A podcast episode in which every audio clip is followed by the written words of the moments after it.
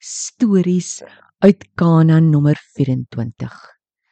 Vrouens vir die Benjaminite. Rigters 21. Lekker lekker storie tyd. Die Bybel vat ons ver en wyd. Stories van die ou ou God se liefde vanaf daardie tyd. Sy liefde loop deur ons eie tyd tot Jesus kom vir die ewigheid.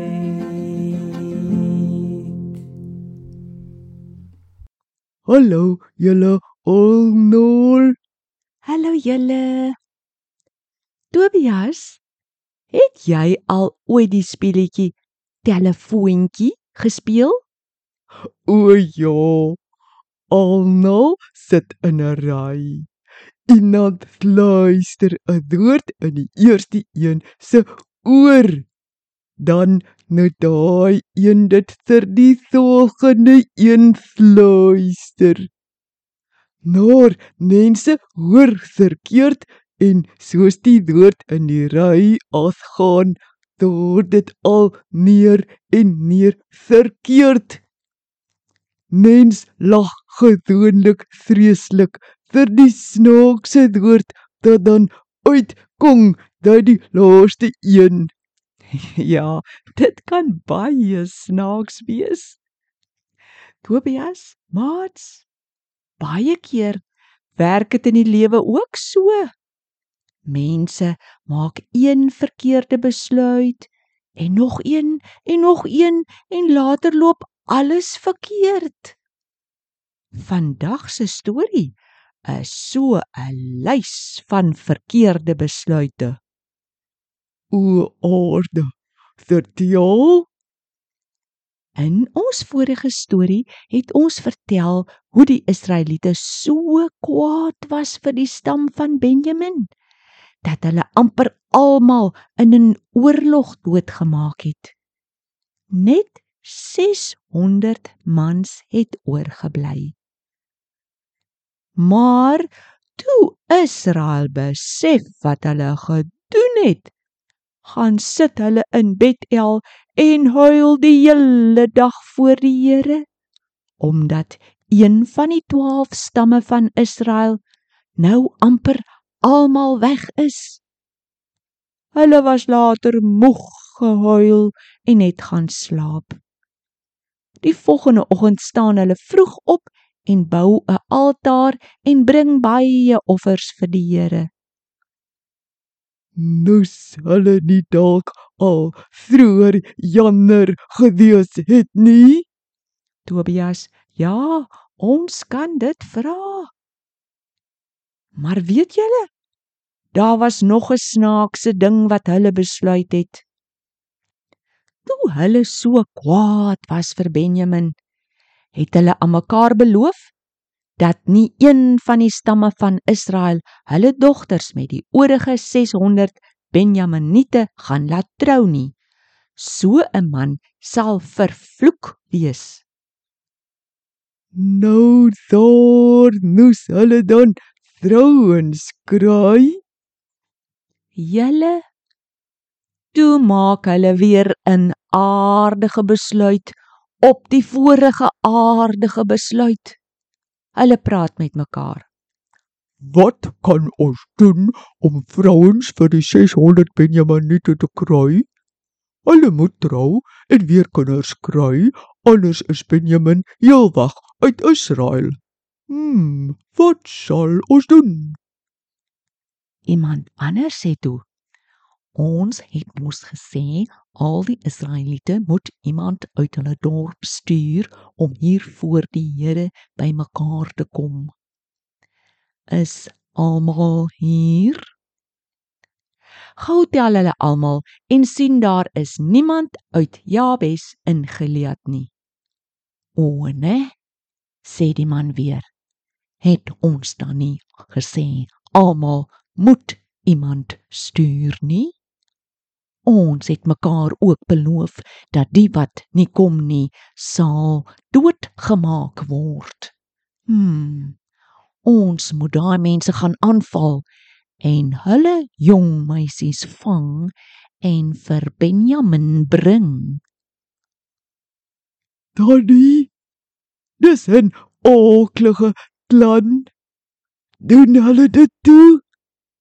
Tobias, maats, julle sal my seker nie wil glo nie, maar souwaar, hulle stuur 12000 dapper soldate na Jabes in Gilead. Hulle moes almal daar gaan doodmaak en net die jong meisies wat nog nooit getroud was nie, saambring. Een slagte besluit. Laat nog hulle 'n volgende slagte besluit. Net so. Maar nou ja, hulle stuur toe 'n boodskap na die 600 manne by die Rimmon rots om vrede met hulle te maak. Die Israeliete gee toe die 400 meisies vir die Benjaminiete. No, dit das te nin meisies dan nie. Ja, Tobias. Hulle het vir mekaar gesê: Mense, hier is nou nog te min vrouens. Watter plan kan ons maak om nog 200 vrouens iewers te kry? Ons het mos mekaar beloof hè, dat niemand van ons sy dogter vir 'n Benjaminiet sal gee nie. Ons wil tog nie daai vloek op ons hê nie. Iemand anders sê toe: Julle, elke jaar is daar mos 'n fees vir die Here in Silo. Die meisies van Silo gaan mos dan uit in die wingerde om te dans. Kom ons sê vir die oorige 200 man om weg te kruip in die wingerde. Dan as die meisies uitkom om te dans, kan hulle vir hulle elkeen 'n vrou steel. Daddy, vrouens steel. En as die meisies se tatas en broers kom klou, Dan het hulle vir hulle gesê: "Hulle moet nou nie sleg voel nie. Die vloek sal nie oor hulle kom nie, want hulle het mos nie die meisies vir die Benjaminiete gegee nie. Benjamin het hulle mos kom steel." een vrot plan ot 'n volgende een. Tobias, al hierdie dinge het so verkeerd geloop omdat die Israeliete net gedoen het wat reg is in hulle eie oë. Hulle het nie vir God gevra wat is reg nie. Hulle het nie die wet gelees om te weet wat is reg nie. Sjoe, dat 'n storie. Daddy, nooit. Ons het getraat van hulle vriendjie steel. Maar ons hoef nie in die lede ook so een slagte besluit en nog een en nog een te neem nie. Ons kan die duidel lees. Ons kan die Heilige Gees vra om ons te help. Ja, en as ons 'n verkeerde besluit gemaak het, kan ons vir die Here vra om ons te vergewe en te help om die volgende regte besluit te maak. Daddy, dit maak jy so opgewonde.